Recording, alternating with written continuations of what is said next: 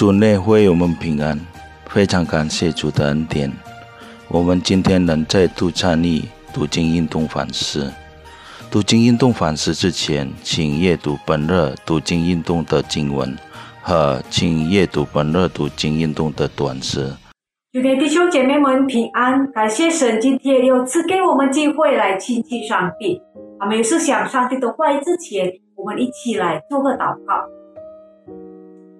天父上帝，我们满心感谢你，感谢你主啊！今天早上我们可以起床，有健康的身体。这都是你的恩典。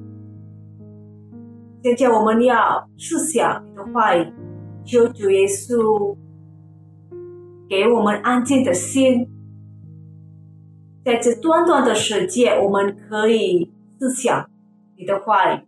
感谢你主啊！我们如此祷告，是奉靠主耶稣基督的名求，阿门。我们今天的题目是“火象智慧自治”。经文来自以佛所书五章十五节到三十三节，六章一到九节。弟兄姐妹们，再过两天我们就要迎接二零二二年了。在我们迎接二二二零二二年之前，让我们在神的面前反想一下。在二零二一年，我们过的生活有没有按照神的旨意生活呢？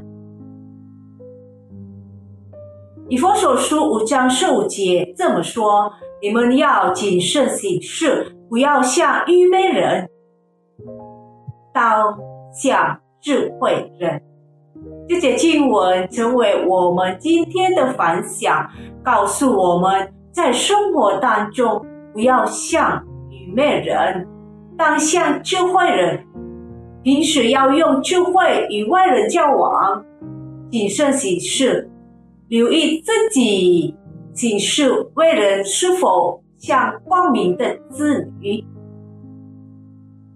我们当时的儿女都应该以智慧为事，做智慧之子，在生命中救命实践上帝的旨意。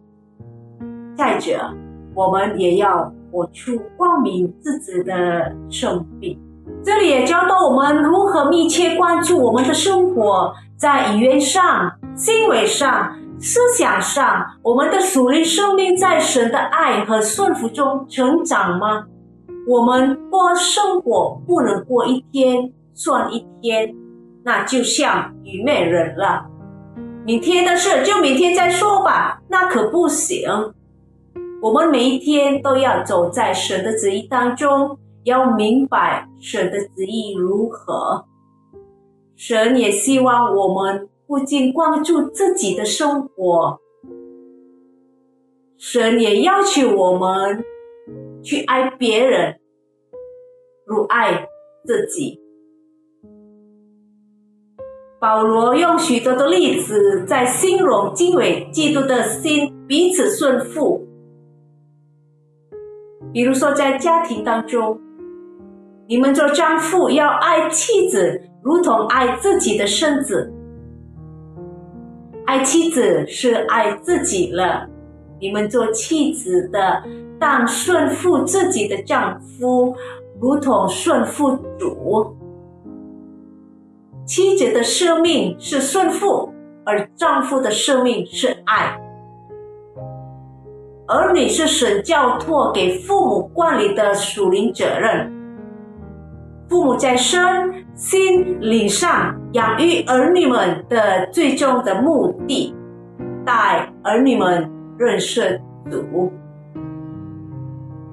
当儿女要孝敬父母，就是顺服神在家庭中权柄的安排。不孝敬父母的人。必然是不敬畏神的人了。我们的每天不照着神旨意而走，乃是照着自己想法、自己的渴望、自己的希望。那今天求主帮助我们，通过这段经文，让我们能珍惜我们的每一天，珍惜我们每一个的选择，明白神的旨意，能够活在神的心意当中，活出神的旨意来。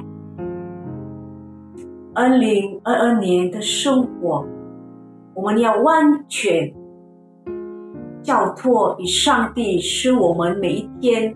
都能在上帝的旨意当中过生活，按照主的旨意而活。弟兄姐妹们，最后我们一起来检讨一下这一年一路走过来，你们已经。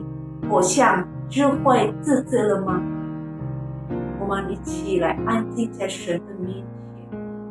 我们祷告，天父上帝，感谢你，我们学习了你的话语，再来一次你的话语来提醒我们，来告诉我们如何我向智慧自知的。基督徒，但愿我们都能够走在神的旨意当中。我们的每一个决定，我们的每一天，都要走在神的旨意当中。若不是从神而来的，我们做的很多，到最后都是虚空的虚空。求神。给我们智慧，也许我们在学习当中有很多我们还不明白，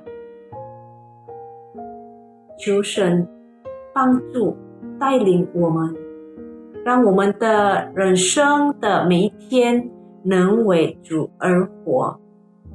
感谢你，主啊，感谢你，我们祷告。是奉靠主耶稣基督的名求，阿门。